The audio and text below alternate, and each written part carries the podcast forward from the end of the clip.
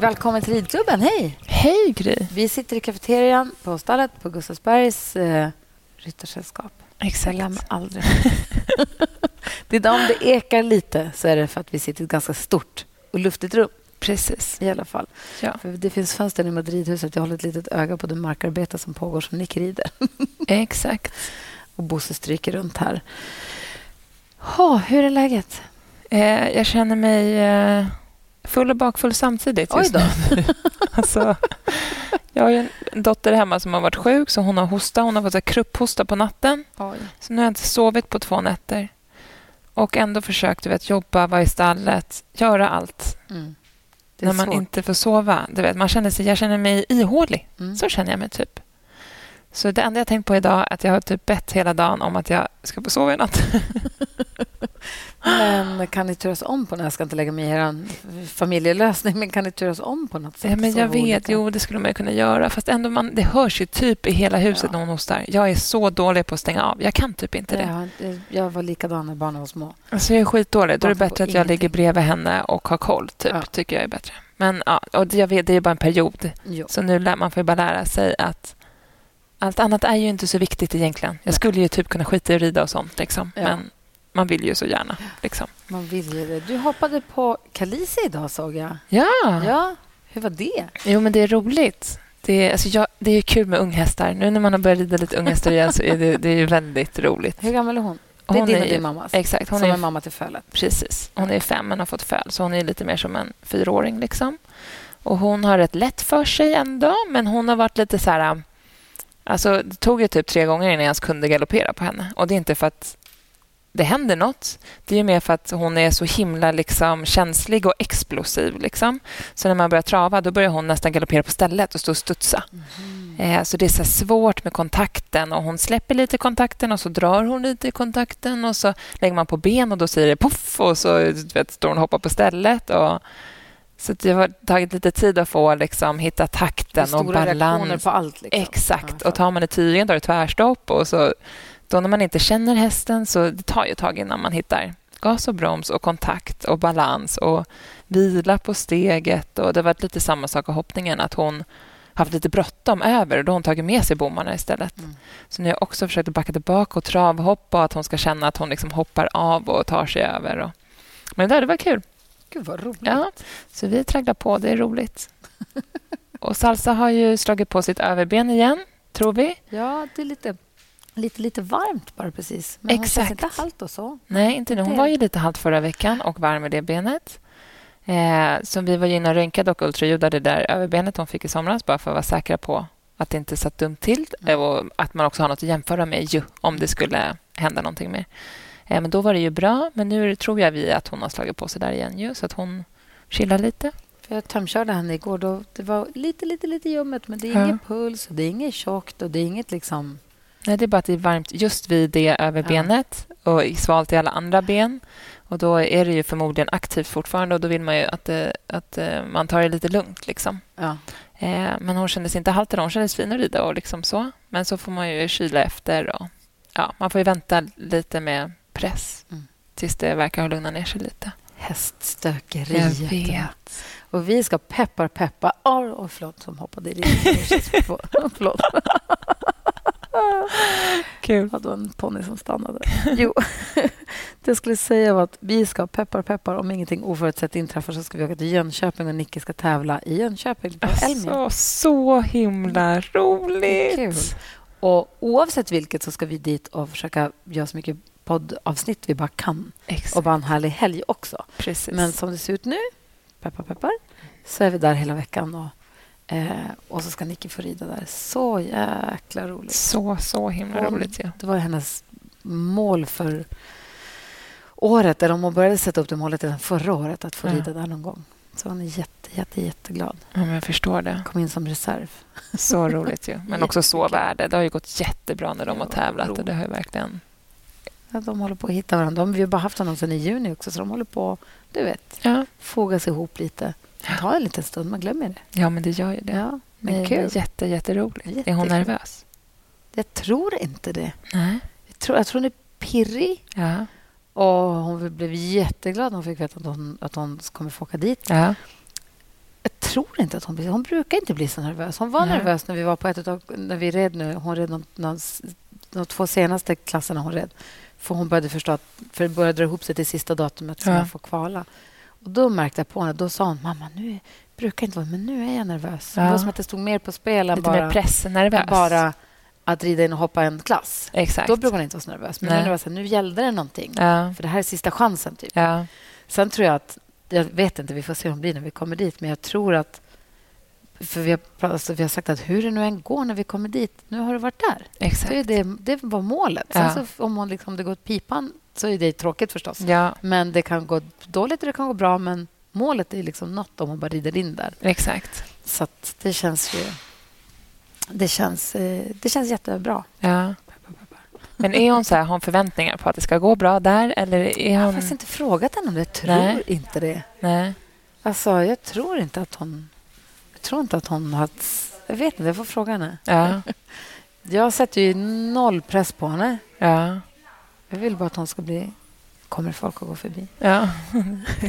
Jag vill ju bara att hon ska tycka att det är kul. Det är ju, alltså, jag, vill att hon ska inte, jag vill att hon ska åka därifrån inte besviken. Nej. Så.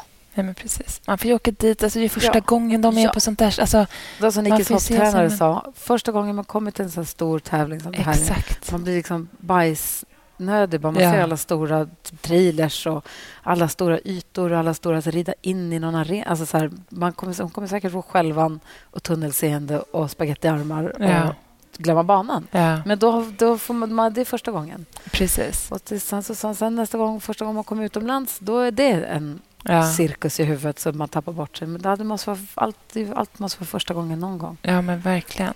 Och så tänker man, får jag åka dit bara med stora ögon och öron och försöka suga åt sig Ja. och titta på alla, hur gör de andra Ja. och lära sig massor bara. Liksom. Härligt att bara få vara i den miljön. Jättekul. Ska. Ja, Jättespännande. ja gud Och vad sen så åker vi dit också, du och jag. Exakt. Jag Så. kommer ner sen till helgen. Ja. Eh, ja, ja. Tycker du skulle kunna sympati hänga med hela veckan. Jo, jag vet. Det hade varit jätteroligt att bara hänga och vara där. Men jag har ganska mycket hästar hemma i stallet Ja, som ska tas om hand. Och... Oh, Familjen oh, vi får inte glömma. Vi ska, träffa, vi ska prata med Christian von Krusenstjerna i det här avsnittet. Exakt. Ja, det måste jag bara berätta om. Och vi, bland annat så han är ju Grand Prix-ryttare och A-tränare och jätteduktiga elever och är jätteduktig själv. Ja.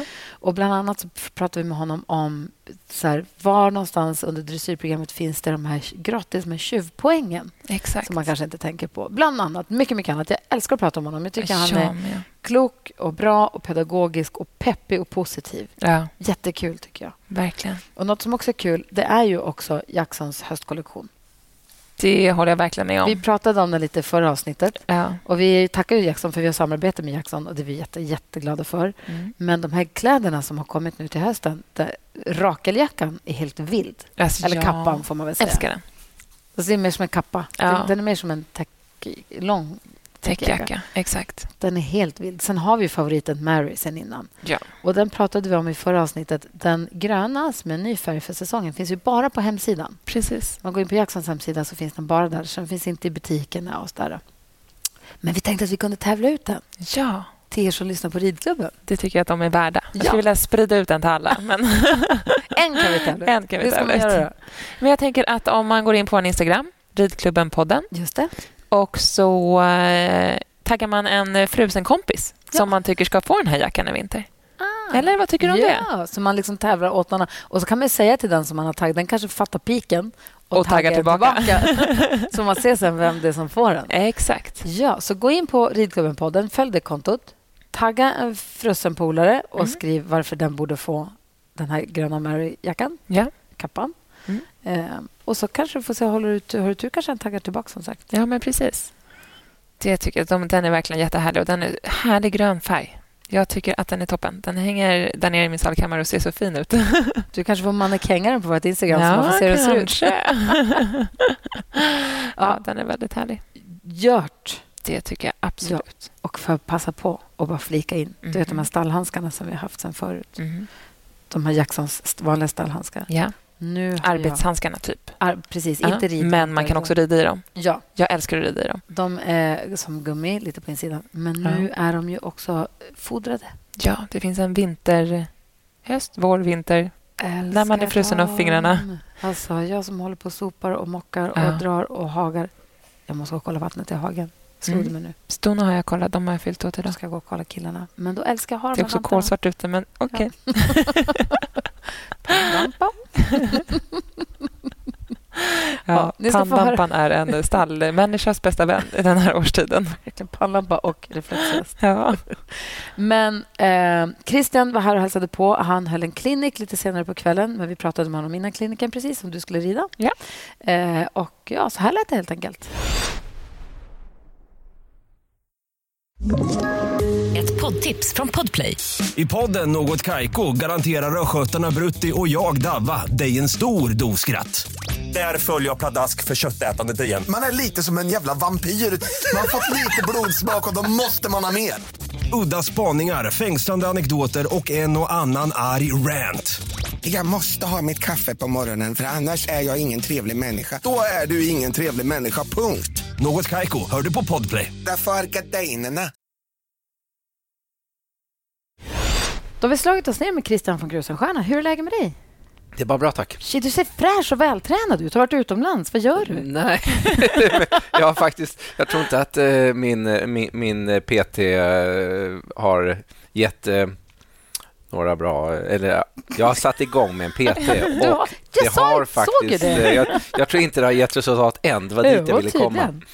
Men eh, jag har faktiskt sen eh, tre veckor tillbaka så har jag tagit tag med det hela. Man måste Vad var det den som här fick kroppen. att... Nej, men alltså du vet, det börjar göra ont lite här och var och man är lite stel och det är inte så att jag har ju studsat fram någonsin i mitt liv, men, men eh, nej, man känner att eh, har inte samma timing. Jag är lite irriterad på mig själv när jag sitter och rider ibland, att jag inte har samma timing och balans och känsla.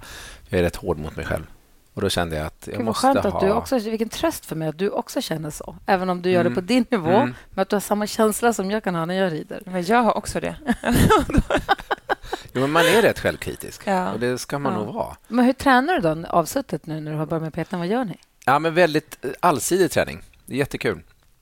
Men mycket, mycket stretch också faktiskt.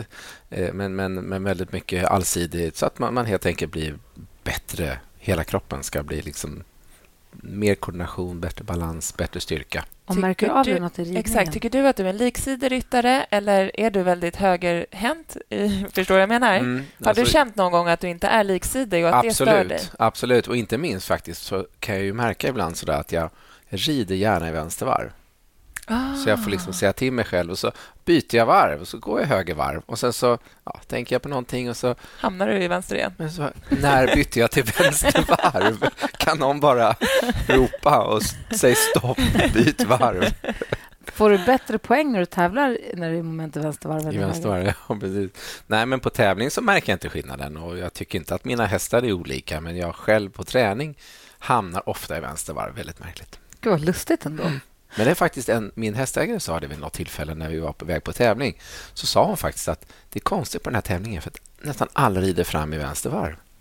Jättemånga de hamnar mycket i vänstervarv tyckte hon. Så sen dess har jag tänkt på det Ja. Mm. och märkt att jag också hamnar i vänstervarv. Jag vet inte varför. Men den här avsuttna träningen, har du märkt någon skillnad på ridningen? Har det gett resultat där? Ja, men det, det tycker jag, ja, men det tycker jag absolut. absolut. Eh, och just, just ehm, balansen och bollstabiliteten och eh, bli mer medveten. Men sen märker jag också på min PT, hon, hon tycker det är rätt kul också för hon märker ju när hon ber mig att förändra någon liten del i kroppen. Så att du, du hittar den delen direkt. Jag är inte så van vid det, sa hon. Med eh, nya klienter så att säga hon jobbar med. Att, att man är, har sån kroppskontroll. Men det måste ju komma från ridningen, tänker jag. Mm.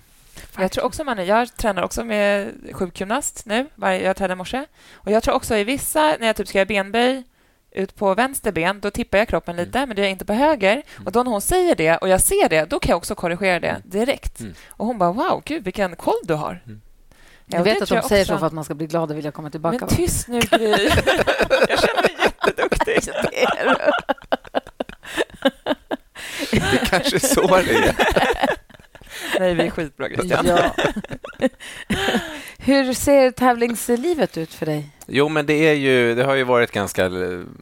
Det har inte varit så aktivt eh, tävlingsliv sista åren. Men det är ju också det. Man, det är svårt att... Man är ju, en tävlingsryttare är ju vad den är med sina tävlingshästar. Och jag har inte haft hästar på den, på den eh, nivån där jag vill vara. Så att eh, jag tar det ganska lugnt. Men, men eh, jag har blivit några starter i år och eh, jag hoppas på ännu fler starter nästa år. Så att nu börjar jag komma liksom upp på den nivån där jag känner att jag vill, vill vara. Och vad är det för hästar du har? Jag har sett den vita. Den vita hoppas jag ska komma ut nästa år. Eh, det har varit lite bakslag i år, men vi tror att vi har hittat, hitt, hitt, hittat så att han ska må, må bra och må ännu bättre nästa år. Vill du dela med dig av bakslagen? Ja, men det är ju, alltså, han har ju eh, är ju världens mest eh, goa häst och han vill bara väl och han försöker och nu plötsligt så bara en dag så vill han inte. Och då att hitta någonstans, alltså hästen är ju fantastisk. Den försöker att göra oss, till lags och den försöker att inte visa att den har ont. Men om den då visar att den har ont, jag menar, var någonstans ska du börja? Om den inte är halt, var ska du börja leta? Men den bara vill inte plötsligt i vissa, vissa sammanhang. Så att det har tagit lite tid, men vi tror att vi är på rätt spår. Men vi märker nu i alla fall att nu, nu är han back in business. Nu är han tillbaka där han var förr, att han ville jobba. Så att eh, det är bra att veta det för framtiden. Så om jag känner någonstans att han plötsligt inte vill jobba igen, då kan jag vara snabbare på det. så att säga. Och vi är snabbare på det var någonstans han i sådana fall är- ömmar lite. Eh, Så att eh, nu mår han bra och han ser fin ut i kroppen och han är bra mentalt och det känns fantastiskt. Eh, Och det är ju en fantastisk häst så jag hoppas att han ska hålla. Så att, eh, och sen har jag en hel del andra hästar också som ehm, som sagt, de är på den nivån nu där jag, jag tycker det är kul att rida när det är medelfra uppåt. Eh, och jag har märkt i år också att Sankt Georg gillar jag. Och det är det enda programmet i år jag inte ridit fel i. Så jag vet inte om det... det it's a sign. Exakt. Ditt undermedvetna Rid pratar med inga dig. andra klasser, för rider bara fel. Men då tränar du mest upp till den nivån och sen börjar du tävla? Ja, Ja. Ja. När måste man börja kvala i dressyr? Vilken får man gå in och starta i direkt? Ja, du måste ju nu, nu måste du gå ut och starta med en SOB och bara visa att du hör hemma. Och Sen kan du kliva in i... De har delat upp det i rundor, så du kan kliva in i någon runda. Du kan kliva in liksom upp i Grand Prix-rundorna, men då har du bara två chanser på det och visa att du hör hemma där. Okej. Men det tycker jag är skönt, för att, för att eh, med tanke på både det att jag har kanske hästar som jag har till försäljning eller hjälper elever eller då mina hästar som jag tränar upp. Jag har stenkoll på vad jag har för liksom, plan och då vill jag inte bli styrd av ett kvalsystem som inte är gjort för mig. Alltså kvalsystemet är gjort för eh, amatörerna och eh, hobbyryttarna för att de ska ha en vägledning hur de ska kvala upp sina hästar. Kvalsystemet är inte ut, gjort för de, de professionella. Nej. De professionella har ju en egen plan. Ehm, och därmed så är jag jätteglad att det här systemet kom då, där jag kan då eh, ja, bara visa att jag kan rida en, en, en minus B och sen, sen kan jag välja. För att eh, det är inte alltid det passar att eh, hålla på och kvala och hitta rätt kvaltävlingar och så vidare. Ja, så är det också ganska svårt med dressyrtävlingar för de blir fulla rätt fort Mm. och då kanske också är bättre att vi amatörer får starta de lägre Mm. klasserna och träna eh, medan du kan träna hemma själv Mm. och sen gå och starta Mm. Svårare klass. Mhm. Absolut. Apropå att få åka och tävla så har vi en lyssnarfråga till dig. Mm. Och det är om man åker på tävling och så har man en häst som spänner sig lite. Hur ska man göra för att få en häst att skritta avspänt när man är på tävling? Alltså det handlar mycket om att läraren att skritta Alltså en häst som är, har en bra skritt, den kommer välja att skritta även fast den är lite spänd. Den här hästen som då är, har svårt att skritta på tävling, antagligen har den inte så jättebra skritt. Eh, den behöver inte ha en dålig skritt, men den, den har i alla fall svårt att välja skritt när den är lite på G och är lite spänd. Så det gäller också att ryttaren lär den att skritta lite kroppsspråket från ryttaren. Så att ryttaren inte sitter på helspänd för att den vet att hästen spänner sig och kanske travar, utan ryttaren måste med kroppsspråket visa att nu är det skitt och då ska hästen veta ja, nu vet jag vad jag ska göra. Jag ska skitta. Så att hästen förstår och litar på ryttaren att jag vågar nog skitta. Jag tycker det här är läskigt. Jag är rädd för allting, men ryttaren säger skritt. Så att det är hellre att öva det hemma. Så att jag har övat in en en signal, ett kroppsspråk från mig själv som, vi, som säger till hästen att den ska skitta.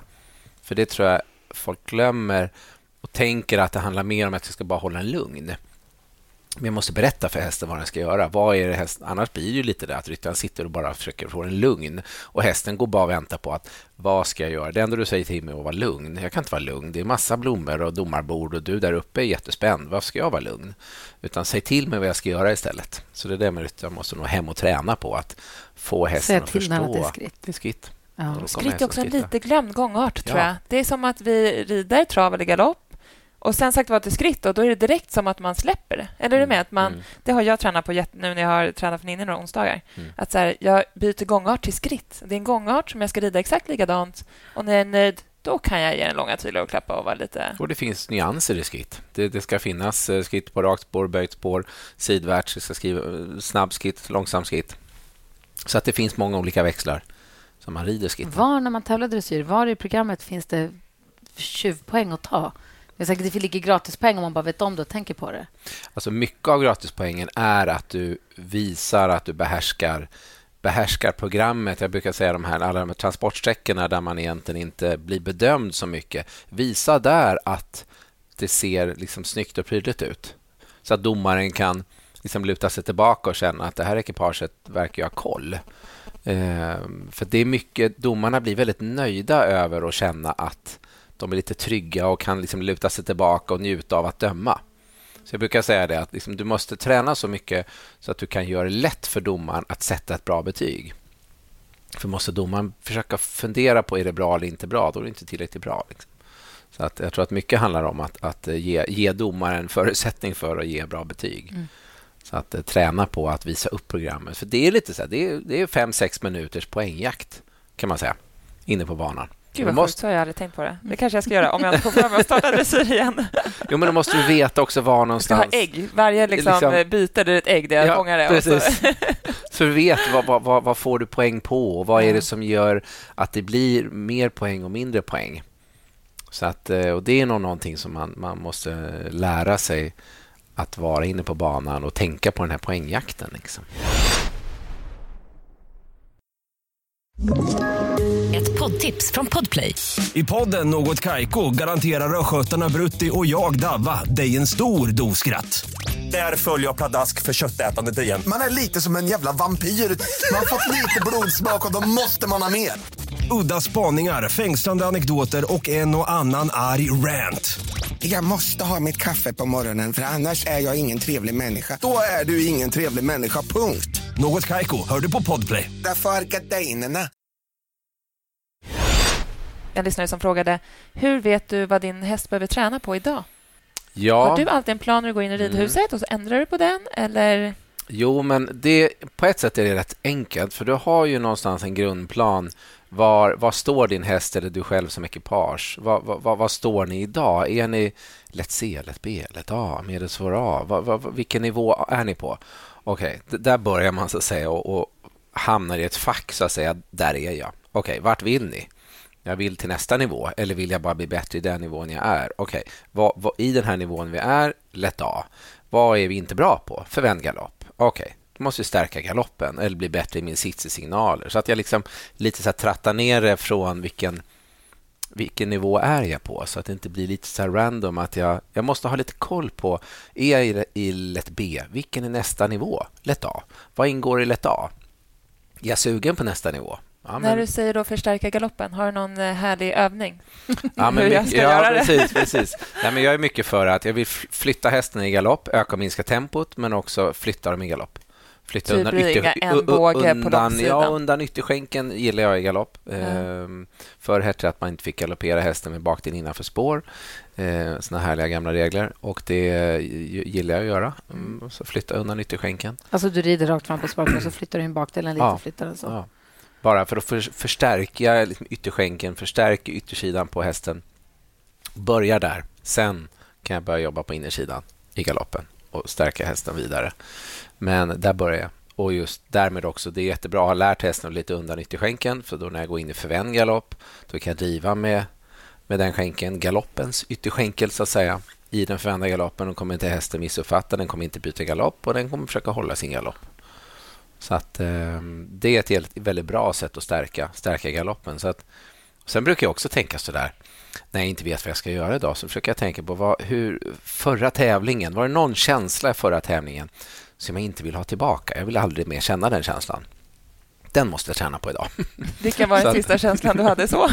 Ja, men jag har haft en lite spännande tävlingsutveckling på min sjuåring som är lite sådär han, han är snäll och gullig och, och jag har ju varit hemma och jag har ridit honom och även mina elever, dressyrelever i stallet har ridit honom lite. Och så skulle vi ut och tävla här och jag tänkte att jag har stenkoll på allting. Så ut och tävlar och han blir livrädd och vi kommer knappt in på banan.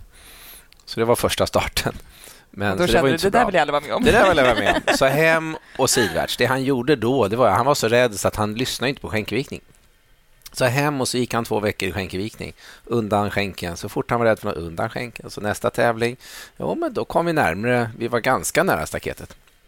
Men hur och gör du skänkelvikning när du ska rida rakt fram mot domaren? Lite Det är ju det sidvärts. svåraste. Ja, Alltså. men då får När de står sidvärts. emot och Ja. man bara känner hur kommer upp ett monster under en som inte vill gå rakt fram. Man bara, okej, nu ska vi rida rakt fram. Tänk om då, höger, vänster, var ska vi ta vägen? Och då Då måste tänker han... du lite öppna, typ. och då rider jag lite sidvärts. Ja. Lite, lite sidvärts. Och så får du ta den smällen Och då tar jag hellre den smällen, Ja. att det är lite sidvärts. Men, men då måste han liksom lyssna på den här sidvärtsen. Så då gjorde jag det i två veckor. Och sen nästa tävling som sagt då var det lite bättre. Men, och sen dagen efter, då kunde jag plötsligt liksom börja innan startsignal sidvärts i bägge varven. Och sen kände jag hur han andades ut och sen kunde rida rakt hela programmet. Så fick jag 70 procent och vann. Så att det var en ganska snabb utveckling på två veckor Verkligen. och ändå med för A. Så att det var liksom en bra, det var bra utveckling. Men det var ju samtidigt så då gick man hem och gjorde liksom sin läxa lite grann. Och det var en rolig läxa att jobba med i två veckor där. För jag tänkte verkligen, det här får inte hända på samma sätt igen. Så då hade jag verkligen något konkret att jobba på hemma. Jag tycker- Ja, verkligen. Så, så fascinerande. Jag tänker också om man har... Jag, vi, vi amatörer, jag är inte liksidig. Jag jobbar med det. Jag försöker få mig själv att bli liksidig. Men jag är mycket svårare att få hästarna upp till vänstertyget. Mm. Vad har du för tips till mig? Hur ska jag få hästarna att ta stöd lika mycket på höger och vänstertygen? Och det är frågan lite grann där, liksom, vad du i sådana fall gör i sitsen. Om det är så att du har lite svårare, för man är ju höger och vänsterhänt och högerhänta personer kan ju vara ganska skickliga liksom, med högerhanden med ganska eh, tafatta i höger axel. Men de är ganska tafatta i vänster hand, men då är de ganska starka i vänster axel. Så att man är liksom lite olika där, så man måste lite grann bena ut i, i överkropp. Jag brukar titta på ryttarna om det är så att de har en, en arm, axel, överkropp som liksom hela tiden är där och suger tag i ena tygen och släpper den andra tygen. För det är oftast där gör vi lite sådär. Vad är det med vi, oss då? Vad vill du oss då? Jaha. Ja, men det, det, det, är lätt, det är lätt hänt att det är, det är ryttaren som har svårt för att hålla i bägge tyglarna. Mm. Och bara det här att hålla i bägge tyglarna kan ju låta liksom jätteenkelt. Men det är klart, hästen har en favorittygel och så har ryttaren en favorittygel och så kanske det Jag och Micke har sammanfaller. ett nytt i mjukost. Jaha. Att vi tänker mjuk, en mjukosttub. Ja, Att jag säger till henne att hon ska känna som att hon trycker på i mjukosttuben ja, men sen så locket på där framme så Ja. att hon håller ihop. Ja. Så att det inte bara sprutar mjukost över hela Du ridhuset. tänker att trycka på i med skänken Ja. och fånga upp får en- kraften från bakbenen. Ja. Alltså det, är knappt, det är bara att man säger men Mm. hon är 13. Man måste försöka Mm. hitta liksom liknelser. som Mm. För Jag har försökt med trädgårdsslangar och sånt, men hon har Mm. ingen relation till det. Men så mjukosten, att man får liksom bakbenen, och, Mm. alltså skänklarna Mm. får igång baken och så får man fram energin och så Mm. stänga till lite Mm. lagom. Mm. Men det få det där så tygel, svårt. stödet i munnen Ja. ordentligt. Och det är ju mycket ru- rutin och erfarenhet. Man måste ju också våga, jag tror att det är viktigt för alla ryttare att våga rida lite fort och lite för långsamt och dra för mycket och dra för lite och trycka för mycket och trycka för lite. Man måste lite så här våga få hjälp att våga också ta ut gränserna och ta ut registret så att man får känna när det blev, nej men det blev för mycket eller Men nej, man lite. forma dem för innerskänken men vända dem för yttersidan, yttertygen, ytterskänken. Alltså det blir, Mm. blir mycket Absolut. Och hålla reda på. att hålla ja. reda på. Mm. Gud, Mm. ja. Mm. Alltså idag när jag körde magövningar, då bara att räkna, andas och göra samtidigt. Jag bara, det här är typ två saker för mycket. Och hon bara, men du rider ju. Det märker jag också när jag tränar nu. Jag kommer det, för det första inte ihåg de här... Det var inte många övningar, men ändå kommer jag inte ihåg vad jag skulle ha den foten och tänka på den armen. Och jag Ja. kommer inte ihåg. Nej. Och då tänker jag, ja just det. Så säger jag till mina elever då att så gör du den övergången där och så. Alltså att man... Ja. Men du har ju du har ridlektioner på Ågesta Mm. och sen så har du också, hur många privatelever har du i veckan? Nu har jag lite färre eftersom jag har satsat mer på min egen ridning. Mm. Så att jag har en... Eh, som mest hade jag väl kanske en 10-12 liksom satsande ungdomar. Och nu har jag i dagsläget har jag kanske en 4-5. Ja. Så jag har inte så mycket. Och sen så driver ni ridskolan. Sen så Mm. Dressage Power. Mm. Och vad är det? Dressage Power är egentligen en, en företeelse. Vi, vi startade upp någonting som vi tyckte vi behövde göra lite fler tävlingar. Vi behövde göra en utbildning, avsutten utbildning. Eh, och Det ville vi göra för liksom, ridsporten. För vi tyckte det saknades lite dressyrtävlingar och det saknades en, en avsutten ridutbildning för ryttare som är liksom mellan ridskola och tävling och även i, har varit i tävling ganska länge. Eh, så både ungdomar och numera seniorer också. De här som, vi vet ju på ridskolorna vet ju hur mycket teori det är och hur viktiga, hur, hur noga vi är med teorin. Och Det jag har lite fasat för när jag sett mycket tävlingsryttare och mycket ungdomar, med egentligen alla tävlingsryttare, att de avsuttet kan ganska, ganska lite kunskap. Så att då startar vi upp den här um, akademin i Dressage Power där vi massa olika ämnen. Men allt du behöver bli bättre på för att bli en bättre tävlingsryttare tänkte vi från början, men egentligen bättre, bättre ryttare. Det spelar ingen roll om du ska vara tävlingsryttare eller där kan ju någonstans det roliga med akademin där tycker jag att alla kan samlas kring kunskapen kring hästen och så. Behöver inte liksom, jaha, men du får inte vara i min grupp för du har tagit medalj och jag, jag rider bara en gång i veckan. Alla, spelar ingen roll. Alla ska ju vara med, för alla måste ju bli bättre avsuttet.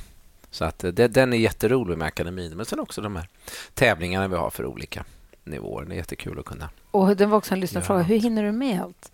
Ja. För du har ju gård, mm. ridskola, familj. Hur många barn har du? Två. Två. Mm. Och hundar och hästar mm. och elever. Mm. Och tränar nu också. då. Mm. Hur hinner du med allt? Ja, men man prioriterar lite grann i olika, olika omgångar.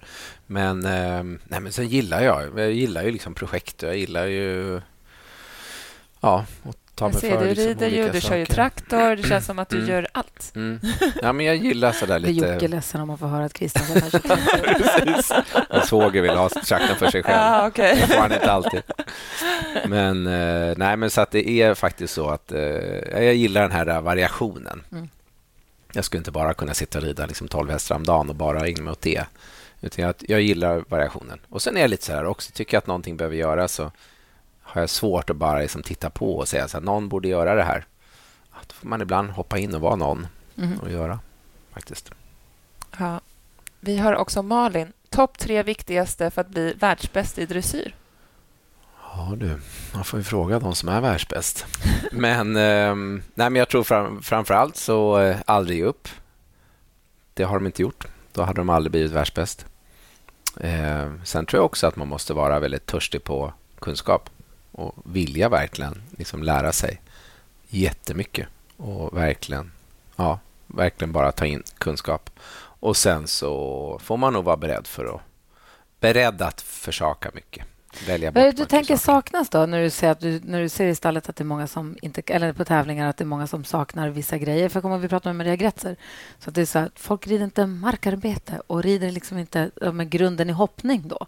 Vad är det du känner att du skulle vilja uppmana eller uppmuntra folk som rider mycket dressyr att inte glömma bort eller att tänka mer på?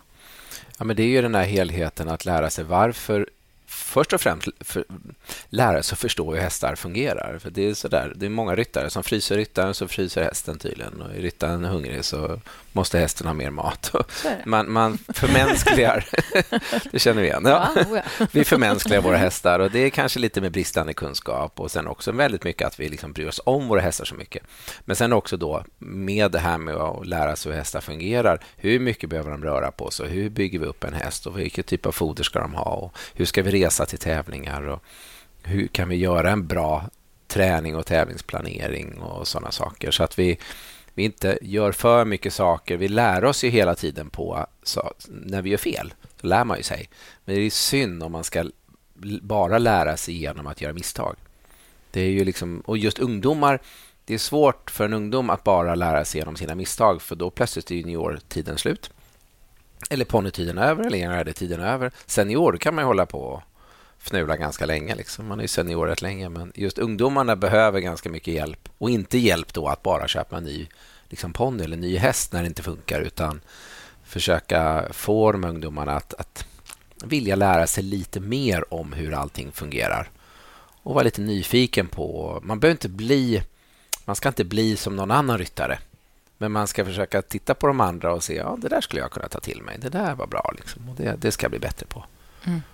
Så att jag är liksom för det, jag brukar säga det, om du inte har den bästa ponnyn nu om du bara bli, passar på att bli bättre, tänk om du får den bästa ponnyn nästa år. Då är du liksom beredd att ta an, dig an den här bästa ponnyn, för den står där nästa år. Men om du bara väntar på att nej men det är ingen idé att jag blir duktigare nu, för jag har ändå ingen bra häst. Ja, men det är nu du ska passa på att bli bättre, för att då är du redo när du får den där fina hästen eller ponnyn. Ja, intressant. Jag ska gå in och rida klinik här för dig nu på en ung häst. Mm. Vad har du för tips till mig? Andas. Ja, Nej, men framförallt så... Um, det, uh, jag försöker ju inte ändra ryttare. Jag försöker lite grann titta på Va? vad... Det är därför jag går in där. precis. Nej, men jag vill inte liksom ändra om för mycket, men jag vill, ändå, jag vill liksom se lite grann varje ryttare som... Ja, de rider som de gör. Vad kan jag liksom hjälpa på vägen? så att säga? Vad kan jag ge lite enkla tips på vägen? Jag vill framför allt, eh, ofta mitt budskap är att försöka göra förenkla. För att det som ryttare är bäst på det är att göra saker krångliga. Krångla till allting. Så jag försöker då snarare tvärtom vända på det och göra det enkelt. Så att om jag ser att det är någonting som ser lite krångligt ut så försöker jag se en lite lättare ett lättare sätt att lösa det på och ett lite mer logiskt lätt sätt att lösa det på. Så att jag hoppas att jag kan ge lite tips. Som tips vår dressyrtränare också säger, att försök, det är svårt nog att rida som det är, så inte krångla till det så mycket. Mm. Man gör gärna det. Du får hålla det enkelt då. ja, jag har plan ska jag hålla mig kvar. Det är min första plan. ja, alltså jag skulle säga, hon är ju fem. Ja. Det kommer fullt på läktaren, tror jag. Jag vet, prata inte om det här. Jag är nervös redan och som det är. För högtalarna. Ska jag hämta halsring också, eller? En tantrem. tantrem. Kanske. Kanske. Nej, det kommer gå bra. Nej, men jag tror Eller? det. Ja, jag tror men, jag, alltså, mm. Man vet aldrig med henne. Sen är det ganska ibland. skönt med hoppryttare ibland. Så här, för säger man till en hoppryttare rid på lite framåt, man, då, då, då, brukar jag liksom få verkligen framåt. Ja. Mm. så det är, det är skillnad på hopp hoppryttare och dressyrryttare där. Ja, men det är bra. Vi är lite blandat. Hoppryttare och dressyrryttare mm. som rider. Så det, det är kul. Se. Det, ja. det är roligt. Det är roligt. Skoj, ska du gå och värma upp då kanske? Ja, men jag tror och du det. kanske vill ha en kaffe innan vi börjar? Det blir bra. Ja. Tack snälla för att vi fick prata med dig. vi tack, kanske ringer tack igen. Tack så mycket. Absolut. Tack snälla.